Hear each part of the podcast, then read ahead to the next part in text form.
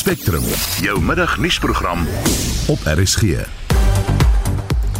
In vandag se program kom er oor die veiligheid by die Kreer Wildtuin se Noombi hek. Daar's maatskappye wat nou lywig hierste bied vir mense om hulle van huis deel of van Witrifuur af na daai Kreer hek wat Vandag is internasionale onderwysersdag. Ons praat met 'n opvoedkundige sielkundige. Die kraaie gaap in groot dele van die land terwyl reën eers in die naweek verwag word. Die warmste was Lepelale met 40.6, Warmbad met 39.7, Mokopani 39.3, Mariku 39. Welkom by Spectrum. Die span is redakteur Wessel Pretorius, produksieregisseur is Johan Pieterse en ek is Susan Paxton.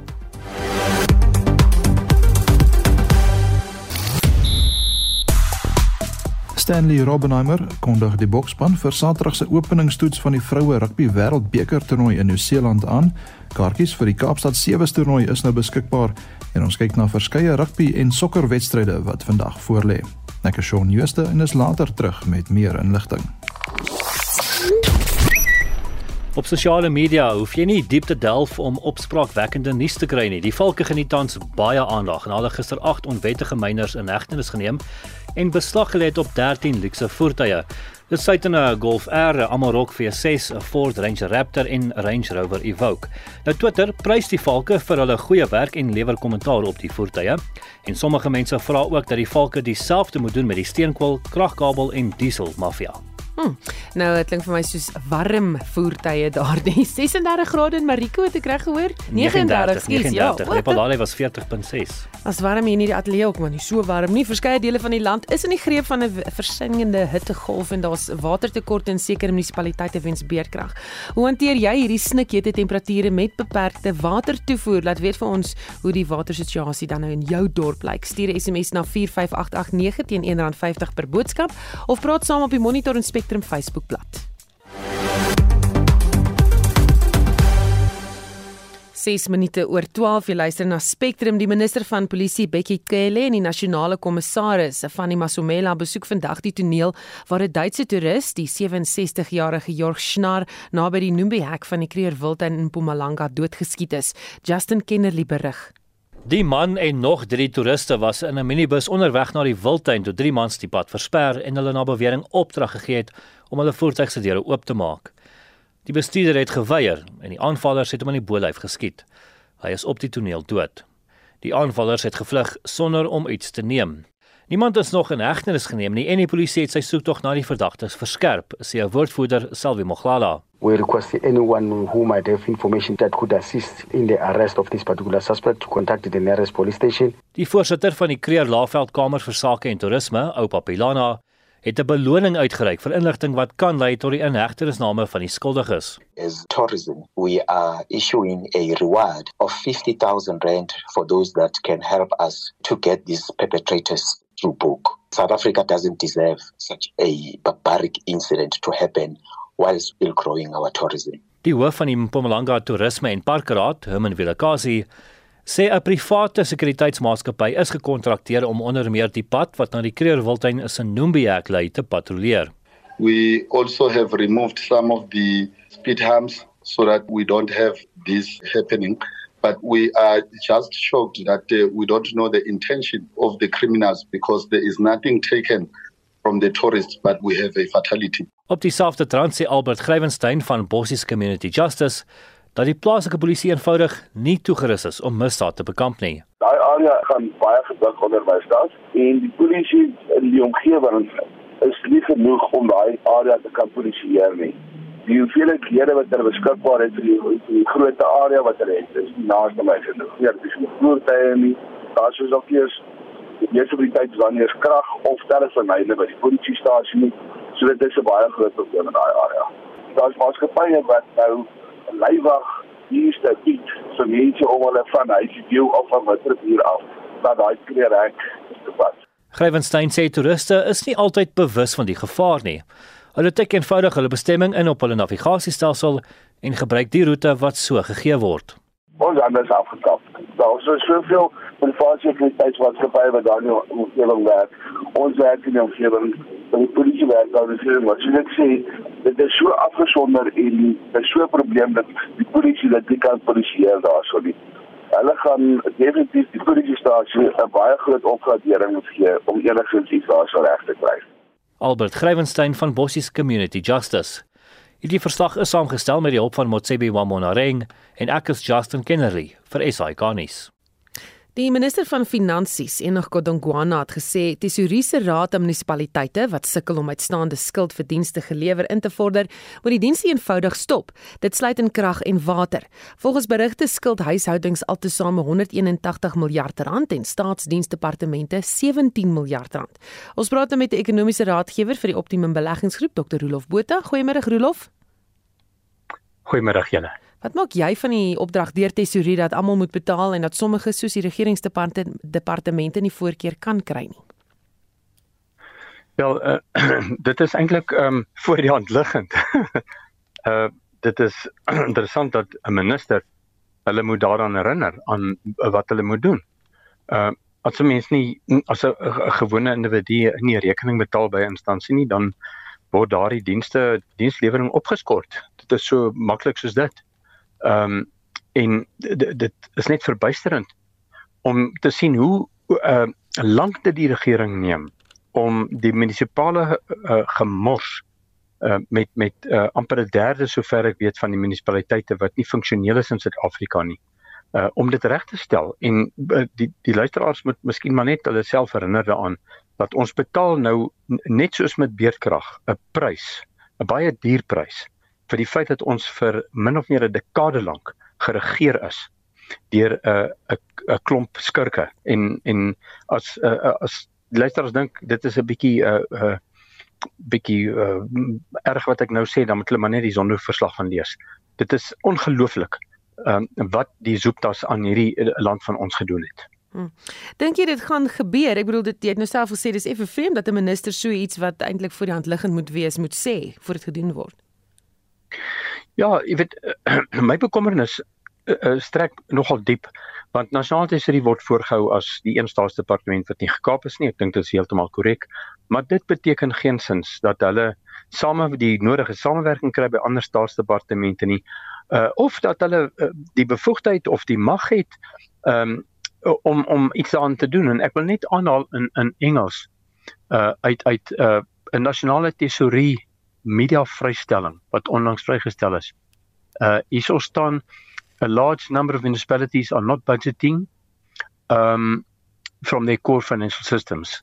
Instead, they prepare their budgets and reports on an Excel spreadsheet and then import these spreadsheets into the system. This and ek haal hulle aan, this manipulation of data leads to unauthorized, irregular, fruitful, wasteful expenditure and fraud and corruption. Nou jy weet uh, uh, hierso staan dit soort of wit op hierdie media vrystelling wat 'n uh, uh, paar weke gelede vrygestel is. Wat word daaromtrent gedoen? Uh as mense gaan kyk na die toestand van die paaie in Suid-Afrika, ek het so vinnige berekening gemaak. Uh Susan, jy kry dit nogal reg uh, om my baie huiswerk laat doen, uh, maar klaar nie daaroor nie. Dankie. dit, dit brei my kennis nogal uit.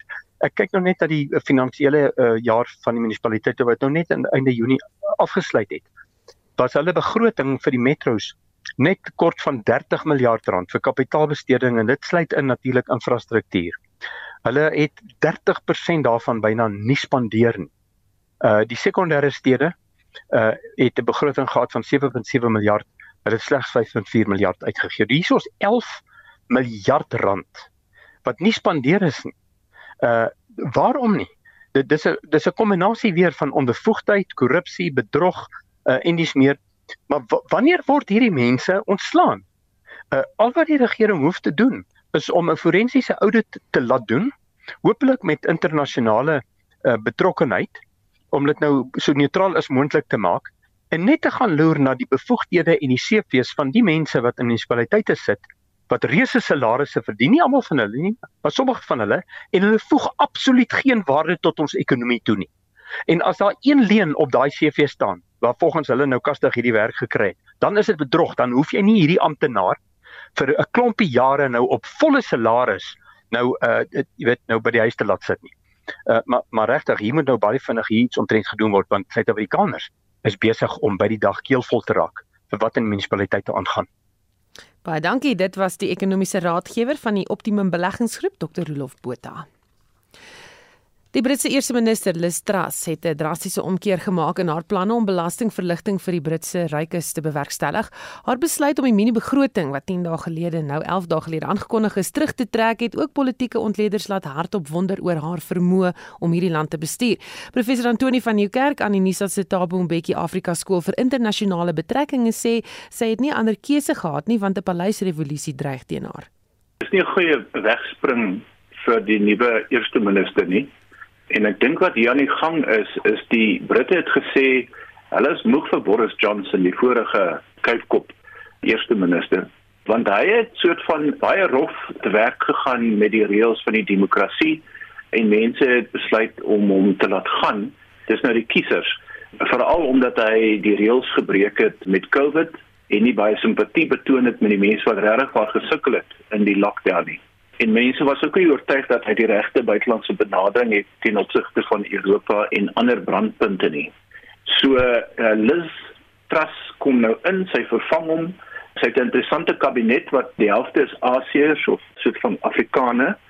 Ek weet nie hoe mense dit sê in die Brits Afrikane. En mense sal dan verwag dat dit dit lyk modern dat sy in pas is met uh, wêreldgebeure en haar groot uitdaging is om seker te maak dat die Britte ekonomies die turbulensie van die globale politiek gaan oorleef. Dis hoekom hulle haar ingestem het, sy en haar span. Want die probleme soos ons almal nou weet, lê by die oorlog tussen NAVO en Rusland in die Oekraïne.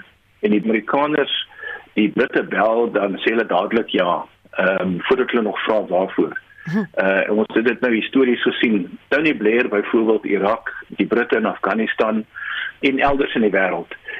So dit skep 'n klomp dilemmas vir die nuwe regering onder Liz Truss want daar's nou geweldige inflasie, voedselonsekerheid en energieonsekerheid en die Britte het juis besluit hulle wil nie meer eintlik deel wees van die Europese Unie nie. So sy vaar in onstuimige water met haar span. En die grootste uitdaging is om vir die gewone Britse kiezer, die man en vrou op straat te sê ons sal sorg dat hierdie inflasie en hierdie krisis rondom buite ons grense jou nie jou sak nie direk gaan raak nie. En dis hoekom hulle 'n mini begroting ingestel het wat nie uitgewerk het nie en hulle moes dit onttrek. Die pond het 'n baie duur prys betaal daarvoor. En dit sê vir my 'n paar goeders. Die eerste een is ek wonder of sy regtig waar opgewasse is en of die Britse kieserspubliek die regte span ingestem het om hierdie probleme wat voor hulle deur lê reg aan te spreek. Ek weet nie of daar beter kandidaate was nie. Daar was 'n uitmergelende soort van 'n attrisie soos Abel Estreise sê, 'n attrisie van kandidaate voor hulle op haar besluit het. Sy was dalk die beste van die van die groep gewees. Maar ek het 'n gevoel dat die Britte geweldig gaan sukkel in komende weke en maande.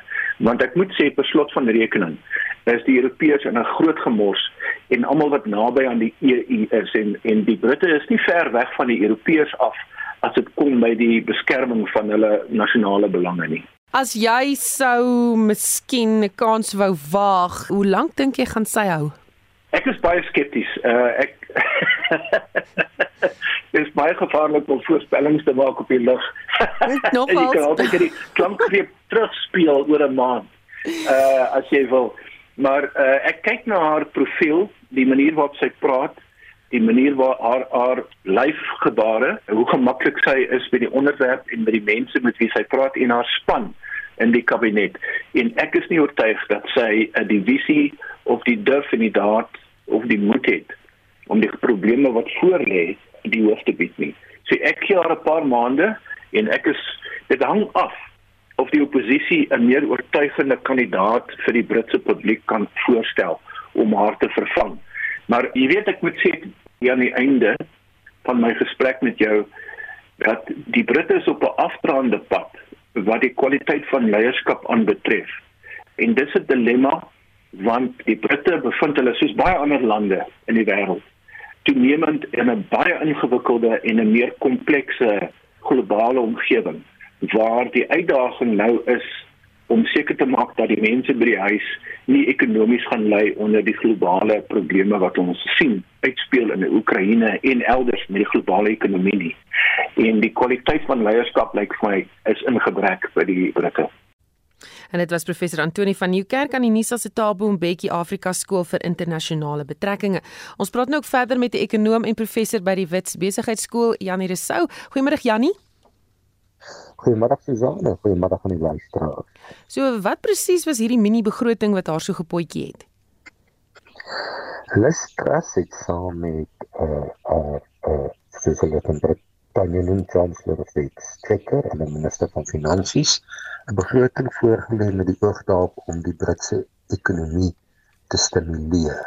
En een van die dinge wat aangekondig is, is die afskaffing van die hoogste belastingkoers van 45% op inkomste bo 150 000 pond per jaar. Wat beteken daardie mense sou net aanhou belasting betaal teen 40%. Dis die koers wat geld bo 50000 pond per jaar. Hierdie saak is nie goed gekommunikeer nie en daar's ook nie verduidelik hoe die tekort aan inkomste befonds gaan word nie.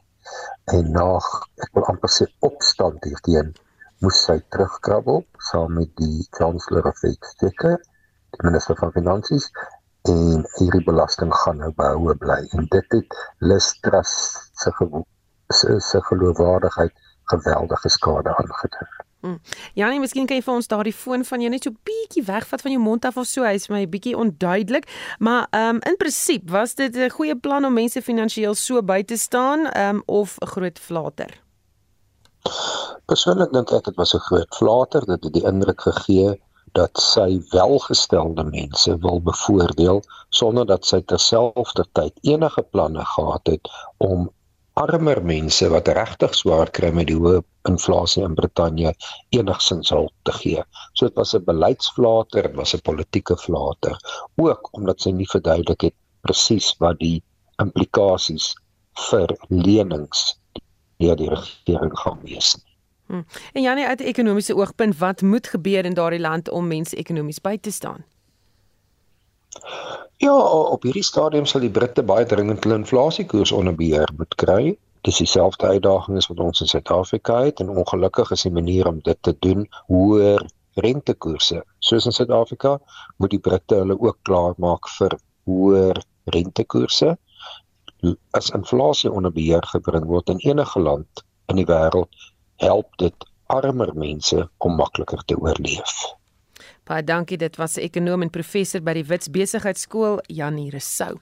Ek sien ook nou uh, op televisie beelde dat uh, die minister van polisie Bekkie Cele en die nasionale kommissaris uh, Fanny Masumela nou daar in um, Mpumalanga is naby die Numbi hek waar daar die Duitse toerus doodgeskiet is besig om die saak daar te ondersoek. Beelde wys hoe hy in die pad staan en dan hierdie glasstukke wat so in die pad lê van waar die skietery plaasgevind het. Die minister van vervoer, Fikile Mbalula aan die Oos-Kaapse ALR vir vervoer, Kolile en Kata het nou minder as 20 dae oor om met 'n plan vorendag te kom oor hoe hulle Intercape busse teen aanvalle gaan beskerm. Dit is na taksi-organisasies Intercape se voertuie aangeval en in een geval 'n busbestuurder doodgeskiet het. Hierdie aanvalle vind reeds 7 jaar lank plaas, Mary De Haas, 'n ere navorsingsgenoot aan die Universiteit van KwaZulu-Natal sê. Hierdie uitspraak deur die hof bevestig dat die Suid-Afrikaanse regering deel is van georganiseerde misdaad in die land. Look, of course it's shocking, but thank heavens the court has said it because those of us who I mean, I deal with taxi operators who are persecuted by people who don't have permits and are operating in their areas, and I deal with cases in which bus people operating locally, as in in Dwedwe, outside Durban, withdraw their services because their drivers are shot dead by the taxi people. And the government does nothing. I can tell you this. I have it on record, all my letters to government departments, the premier, the premier of the province, whose house is right nearby where two bus drivers were killed last year at Ndwedwe. They do nothing. It's an old story because there are too many political and police vested interests in taxis. There's been buses killed here, uh, buses uh, attacked here, between here, this province. Uh, and we know it's the taxi people. Daar is van mening dat die mafia staat waarin ons verkeer die regering bevorder word. Nothing is done because the government we have become a criminalized mafia state and the taxi industry seems to run it because it runs it through politicians. I mean, if you look at the most, certainly one of the most powerful, if not the most powerful, long distance associations. They've got links with, well, one of them is, is the family member of former President Zuma. He's thick as thieves with the Minister of Peace and with other politicians. And I mean, I have heard from policemen over years about the number of politicians that run taxis. Mm.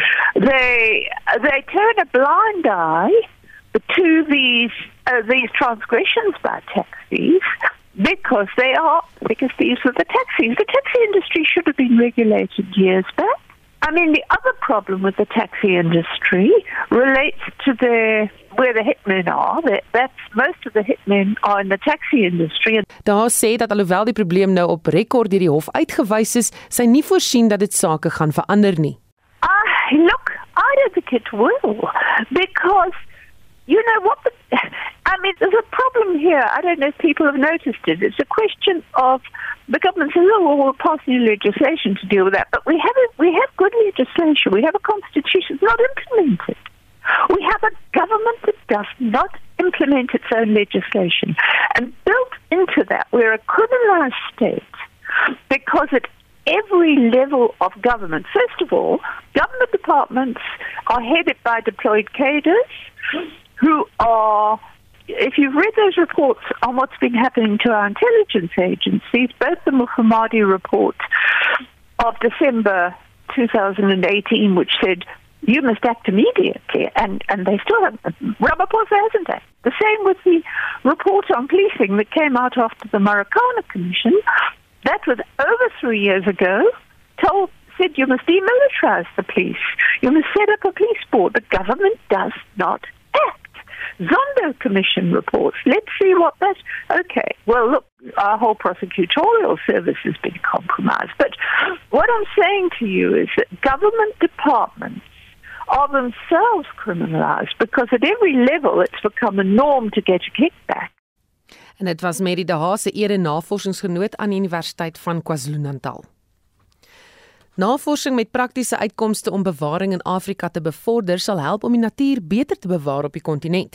Dis een van vanjaar se hoofbesprekingstemas by die 11de Oppenheimer Navorsingskonferensie wat in Midrand plaasvind. Die konferensie wat gewoonlik jaarliks plaasvind, is 2 jaar laas gehou weens die pandemie. 'n Maatskaplike beleggingsvernoot van die Oppenheimer Generations Philanthropies, Ashley van Munda sê dat die pandemie nie die werksaamhede agter die skerms gestop het nie.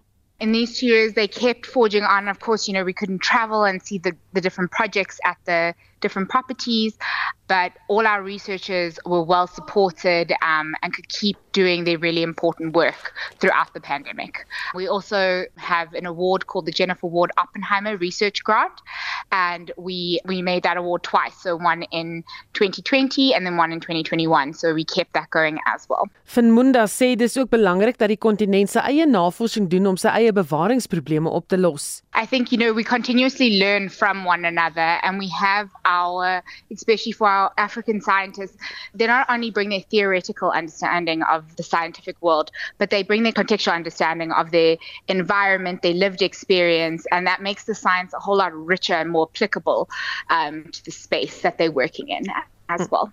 Van Munda sê dit is nou belangriker as ooit om navorsing te doen met die doel om te bewaar om die voortbestaan van die mensdom te verseker. Jonathan Oppenheimer often refers to the sort of school of balance, and that is that harmony in which people in the land live together. Sort of one, I think the land could probably exist without us, but we can't exist without the land, and so it's imperative that we take care of it and conserve it as best we can. En dit was 'n maatskaplike beleggingsvernoot van die Oppenheimer Generations Philanthropies, Ashley van Munda. Jy luister na Spectrum. Elke week saterdag tussen 12 en 1. In die tweede helfte van die program vandag is internasionale onderwysersdag. Ons praat met 'n opvoedkundige sielkundige. En dan die kraaie gaap in groot dele van die land terwyl reën eers teen die naweek verwag word. Die warmste was Lepelale met 40.6, Warmbad met 39.7, Mokopani 39.3, Mariku 39 En 'n motorhandelaar betaal skadevergoeding aan 'n oningeënte werknemer. Bly ingeskakel.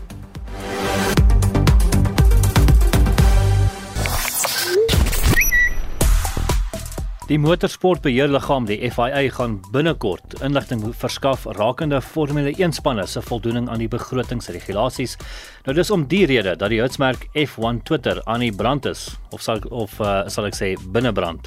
En mense bespiegel oor of Max Verstappen van Red Bull se uh, F1 uh, titel van hom weggevat sal word as Red Bull soos gerugte dit wil hê hulle begroting vir verlede jaar oorskry het. Ja, as jy van hitte gepraat, uh, Justin, ek sien dat uh, Michelle sê dit gister net voor 0.30 in Burgersfort in Limpopo aangekom en dit was 42 grade Celsius. Vreeslik warm sê sy. Ek dink die mense van Appington se wêreld lag vir ons omdat ons so warm kry. Dis lyk dit vir my normaal daar.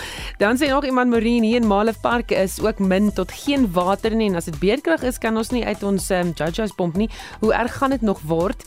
En Willie Botha wat sê um, dis gewoon logika dat watersuiwerings en rioolwerke nie onder onderhewig behoort te wees aan beerdkrag nie. Munisipaliteite moet nou onnodig kragopwekkers installeer.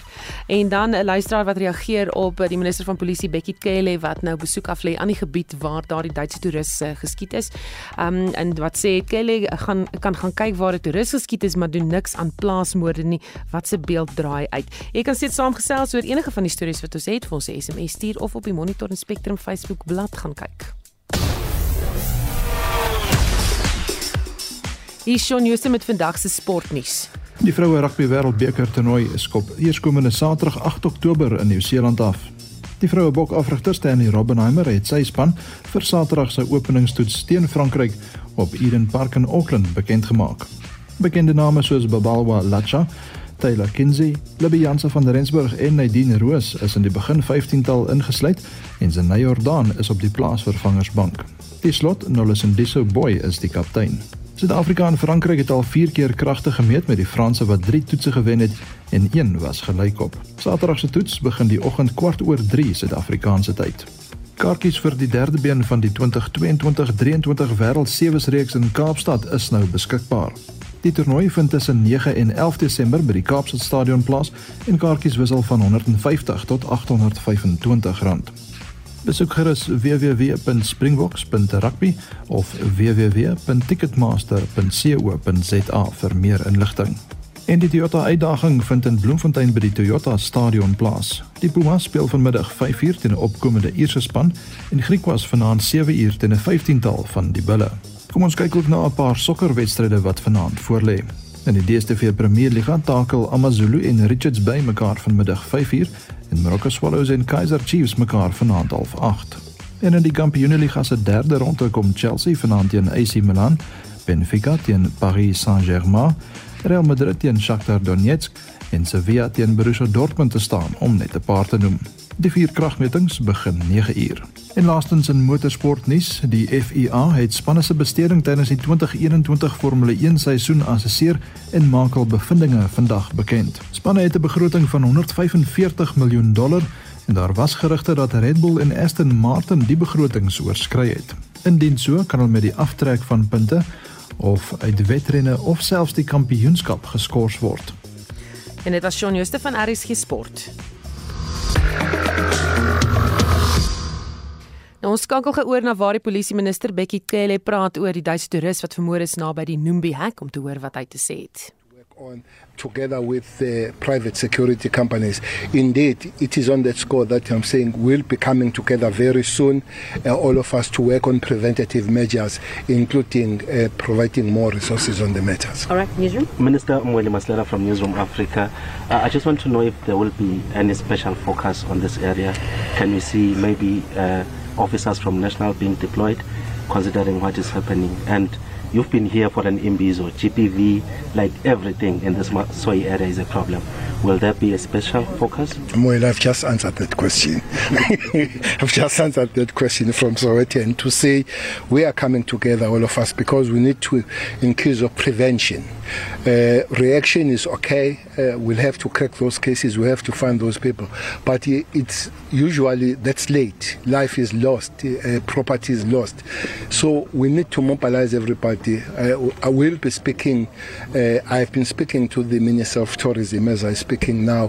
Fortunately, the Deputy Minister of Tourism comes from this province, and I'm told few weeks ago he was also here himself. So we'll be able to pull together the Premier, the province, the local government, but more than anything, mobilize the communities because, uh, as you can see, if these communities can say no to crime, and they'll, they, they will have to understand that it is their benefit that these tourists keep coming here. Uh, but as the police will do our work, the resources, she has worked on those resources, what we need in terms of patrol, saturating the roads together with the private. I've spoken to Sira this morning uh, of the companies that are working here, uh, working in coordination that will help, including uh, the, the, the agencies and companies that are running the lodge, including the Kruger National Park. In terms of information, what do we do with information? I'm told that the chamber, business chamber, will have to come on board because they have things to say. We all told, to, talk together. I'm sure that will take us forward. Just to follow up. Nou ja, soos jy daar gehoor het, die minister van polisie Bekkie Cele en hy het met die media gepraat terwyl sy besoek aan die plek waar die Duitse toerist vermoor is en hy het gesê hy sal ekstra aandag aan veiligheid en sekuriteit skenk in die gebied tesame met die gemeenskappe en die veiligheidsmaatskappye om eh, die veiligheid van mense daar te verseker.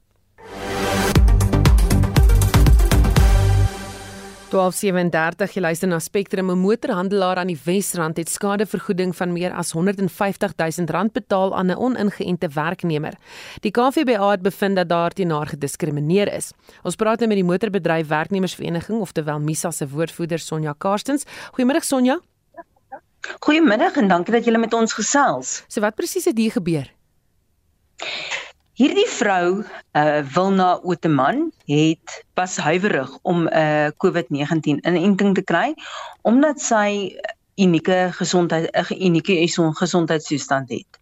Sy het dit aan haar werkgewer bekend gemaak en sy was dadelik die bespotting van die kantoor gemaak. Sy is eenkant toe geskuif, sy moes in 'n hoek gaan sit het in 'n kantoortjie totaal en al geïsoleer. Sy was 'n verkoopsdame. Daar is geen ehm um, kliënte na haar toe verwys nie. Daar is absolute bespotting van haar gemaak. Soveel so dat sy afgeneem is in die parkeerarea waar sy na haar motor gekyk het. Ehm um, foto's wat haar in 'n baie onvleiende lig plaas. Dis op 'n WhatsApp groepie gedeel en dit is 'n bespotting daarvan gemaak. Ehm um, ek kan ek kan aangaan en aangaan en aangaan die hoofuitvoerende beampte van hierdie handelaar het na haar as 'n dom F vrou verwys um voor personeellede en haar's val gesê om nie met hom te F sukkel nie. So uh, dit is regtig 'n verskriklike ernstige geval waar haar blaatant teen haar gediskrimineer en sy geviktimiseer is hmm. omdat sy geweier het of nie geweier het nie, maar huiwerig was om te gaan vir 'n inenting. So wat beteken die uitspraak vir mense wat nie ingeënt is nie met of sonder rede? Dis 'n ongelooflike oorwinning vir mense wat nie ingeënt is nie. Ehm um, die feit dat die werkgewer betaal het wys in hierdie geval dat daar dis 'n baie baie sterk uitspraak, maar maar dit wys ook dat aan die einde van die dag bly die grondwet in Suid-Afrika ons oppergesag. En daarvolgens kan jy teen niemand diskrimineer nie. Of jy of jy nou watse beleid ook al het daardie persoon het die reg en in, in hierdie geval het sy die, het sy 'n reg uitgeoefen op grond van 'n mediese rede. Dit is nie eers na gekyk nie. So so sy het 'n reg gehad om te weier en dit moet dit moet eerbiedig word.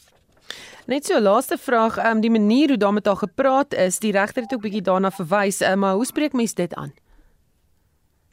In 'n groter prentjie is dit 'n ewel waarmee ons sit in in on, in ons industrie, maar ek dink dit is nie net beperk tot hierdie industrie. Dit die regter het daarna verwys dat dit word die norm oor hoe hoe mense met mekaar praat in die werksplek.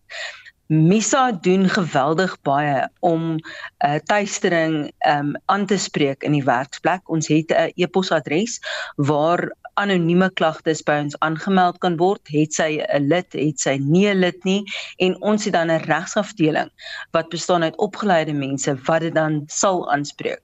Ehm um, op die regte platforms. So in in ons industrie het ons meganismes om dit te probeer aanspreek, maar dit dit alles spreek kom terug na die C um, 190 konvensie waar, waar waarvan Suid-Afrika 'n party is wat ons onderteken het wat die 22ste November in werking tree en dit gaan 'n onus plaas op enige werkgewer om toe te sien dat hierdie tipe van taalgebruik in die werksplek, hierdie tipe van gedrag tussen kollegas nie meer plaasvind nie. Hmm. Ons is voor ons tyd, hierdie uitspraak is voortydig, weet in in in die sin van dis 'n wonderlike waarskuwing vir werkgewers.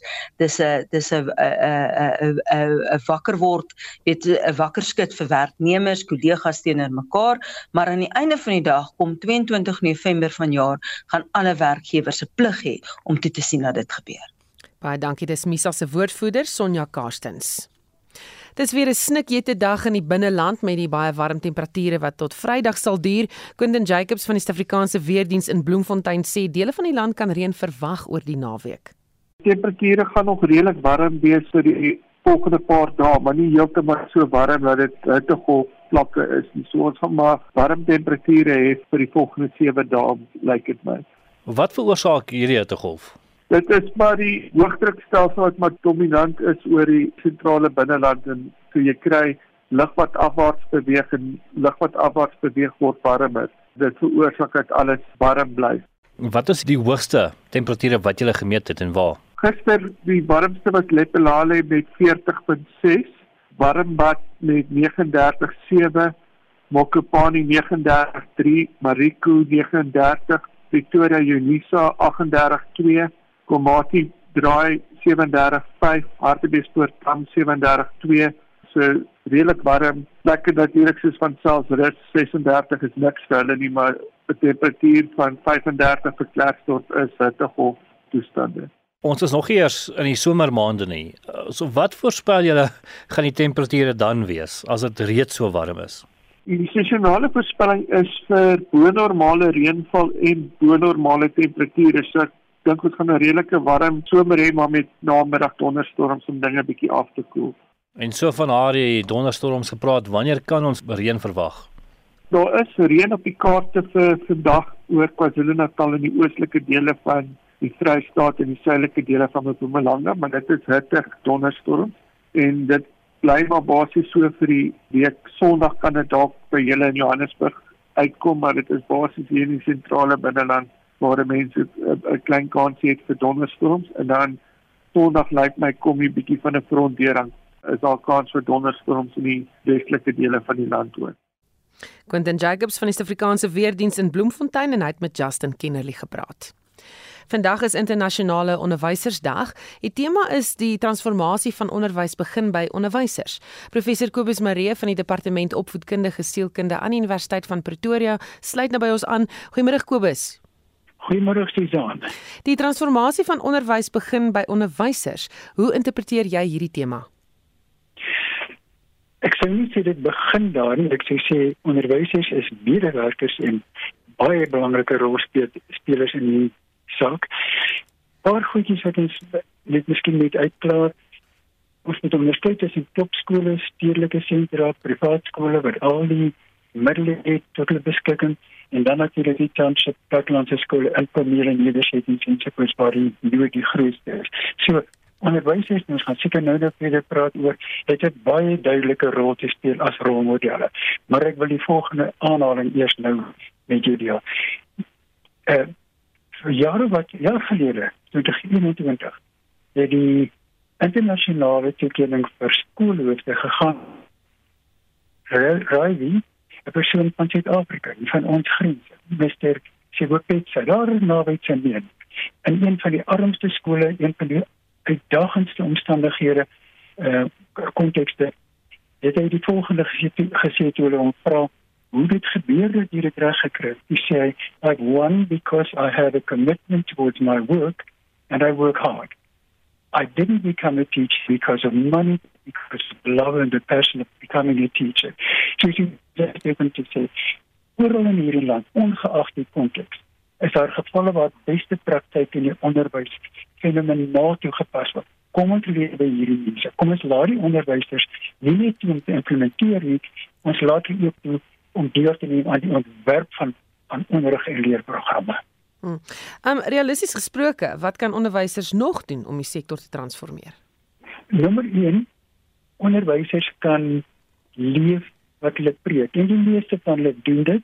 Onderwysers kan aandring op die op die resiprokering van die respek waarmee hulle mense behandel. Hulle kan aandring daarop dat waardes toegepas word en net net gepredik word. Dan die idee van kreatief en innoverend uitreik na ander. Selfs die armstes, die beho die behoeftigstes. En ek pleit by elke onderwyser doen wat jy meesterlik doen. Nie meer as wat jy van jou verwag word. sien die uitdaging wat jy elke uitdaging as 'n groot geleentheid om te presteer om 'n bydrae te lewer. En ehm um, dink jy onderwysers voel hulle word gehoor? Susan, die antwoord is eh uh, daar word hulle nie. Ek wil nog sistematiese navorsing sien wat vir my wys hoe daar fokusgroepe met onderwysers gevoer is dwars oor die land verskillende strate hoe hulle mening gevra word hoe hulle voel en baie baie belangrik dat hierdie aanbevelings en bevindinge uitgevoer word uitgevoer word so jammer om dit te sê ek dink nie onderwysers word word toepaslik aangehoor nie. So hoe bevorder ons dan gesprek tussen almal betrokke by onderwys? Een woord praat praat praat.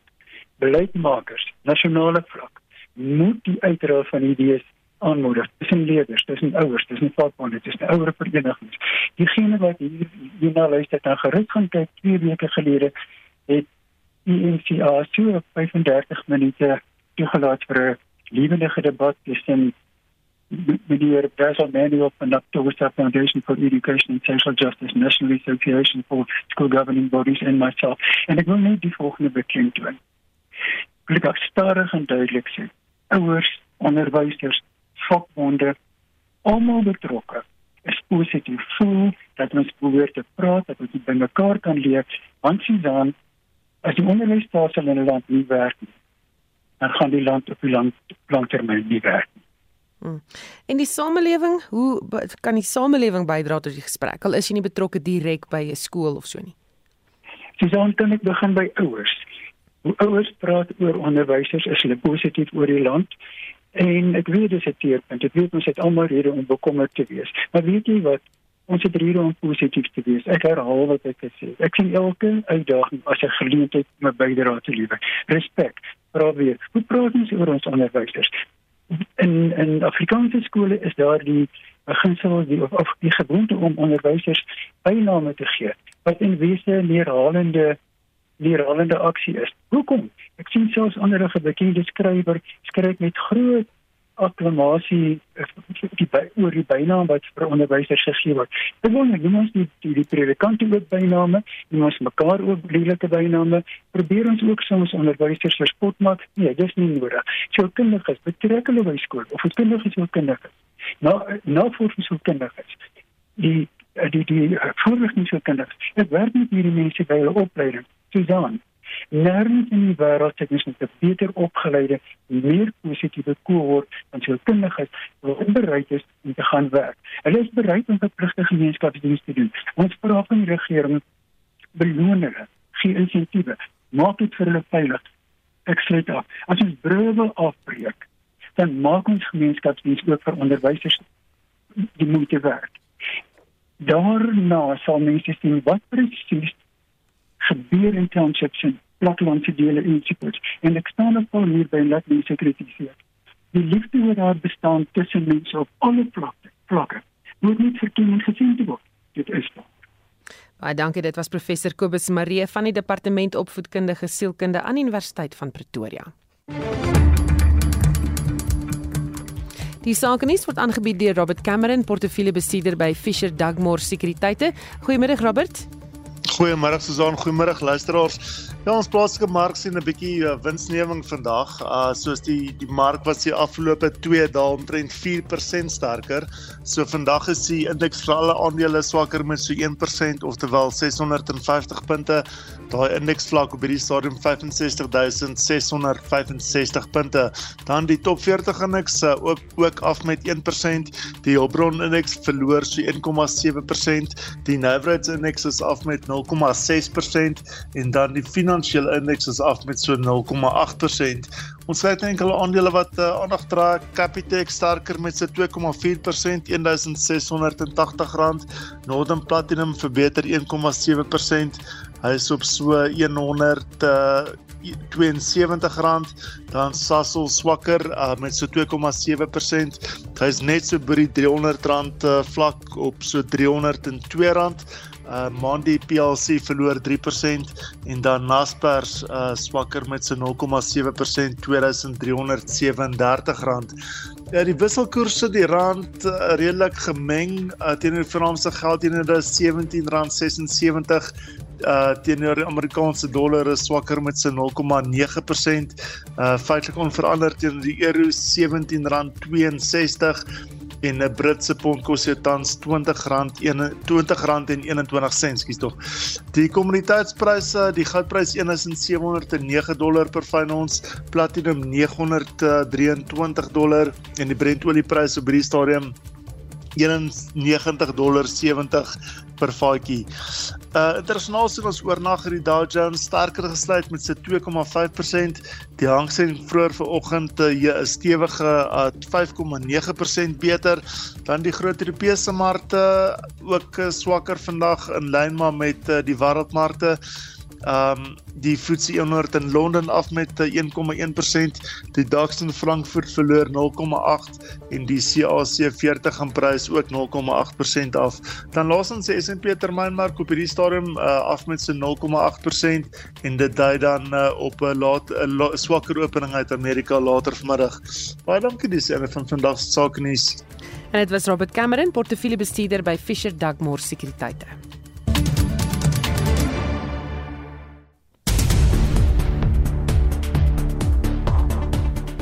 En Justin is in die ateljee met nog nuus wat saak maak. Die Gautengse Hooggeregshof in Johannesburg hoor tans die DA se aansoek aan om volledige rekords openbaar te maak, insluitend vergaderingsnotules, dokumentasie, e-posse en WhatsApp boodskappe van die ANC se kaderontplooiingskomitee wat terugdateer na 1 Januarie 2013. Die DA skare minister vir die staatsdiens en administrasie Dr Leon Schreiber verduidelik waarom hulle die dokumente soek. En alle ander dokumentasie wat bewys hoe die ANC se kaderontplooiingskomitee onwettig inmeng by aanstellings in die staatsdiens en staatsbeheerde entiteite. Ons wil deursigtigheid hier bewerkstellig deur seker te maak dat Suid-Afrikaners weet hoe aanstellings wat gelei het tot staatskaping en korrupsie deur die ANC se kaderontplooiingskomitee beïnvloed is. Ons vra dat al hierdie rekords terugwerkend tot 1 Januarie 2013 beskikbaar gemaak word omdat president Cyril Ramaphosa in 2013 die voorsitter van die ANC se nasionale kaderontplooiingskomitee geword het. En onthou Randwater het fase 2 waterbeperkings by 3 pompstasies, dis Eikenhof, Swartkoppies en Palmiet in Johannesburg ingestel. Randwater se woordvoerder, Makanosi Maru, sê sedert die begin van die lente het die vraag na water ingrypend toegeneem. For the past two weeks, we have noticed a, a, significant increase in water consumption. This has resulted in a decline in our overall reservoir storage capacity. Um, it's peak season for us, so the demand is quite huge. I mean, we are supplying over 5,000 megaliters per day. People are filling up their pools, people are washing their cars, cleaning their pavement, but also we are saying there are leaks, pipes are leaking, taps are also leaking. Die, die publiek word versoek om water spaarsamig te gebruik om te help dat die voorraad in die reservoirs en watertorings weer aangevul word. En Zwakele Mnango het bedank as die DA lid van die KwaZulu-Natal se wetgewer. Hy was ook tussen 2015 en 2020 die provinsiale DA-leier wat sedert 2018 in die provinsiale wetgewer gedien het. Sy bedanking volg op die van nog 'n DA-LPW in Balintuli in Maart vanjaar en Mnango glo die party het afgewyk van sy stigtingsbeginsels. Definitely the party has changed its direction. It's one of the main reasons why I felt I need to step back. I can't continue serving the party in legislature where I don't really feel I'm actually able to implement what I initially intended. François Rogers, die DA se KwaZulu-Natal se het Mwango bedank vir die bydrae wat hy gelewer het. En Dis presies 5 jaar sedert 1 miljoen mense uit Noord-Mosambiek se Cabo Delgado provinsie gevlug het weens geweld wat daar uitgebreek het. Jy kan 'n volledige ontleding hiervan kry in Brandpunt vanmiddag kwart voor 6. en dit was Justin Kennerly. klomp mense wat nog gesels oor die hitte. Johan Oberholse vertel hy sê ek stop my bakkie in die son vir 'n uur. Ek klim in, sit vir 15 minute en ek luister RSG. As jy dan uitklim, is dit wintertemperature buite jy's half gaar gebak daar in die motor. en dan sê Sean, maar Rits, uh, ons gaan al vir 'n week sonder water. Al wanneer dit aan is, is vroegoggend, jy maak 'n bottel vol water en as jy nog bottels wil vul maak, is dit niks nie. Ek het voorheen ook al beerkrag gehad en water wat af was, maar glad nie soos met hierdie probleem nie. En hy's in Randburg sê hy. En dan Fleur Hartman wat sê stort en gebruik die en grys water in jou toilette, het darm reënwater tanks vir tee en kook. Plante in swembad wag maar vir die reën. Dis nie lewensnoodsaak maklik nie. Ja, dankie dat jy saamgesels het vandag. Ons uh, groet namens ons uitvoerende regisseur Nicoline de Wee, ons redakteur Wessel Pretorius en ons produksieregisseur vandag Johan Pieterse. My naam is Susan Paxton bly ingeskakel uh, vir 360 net hierna.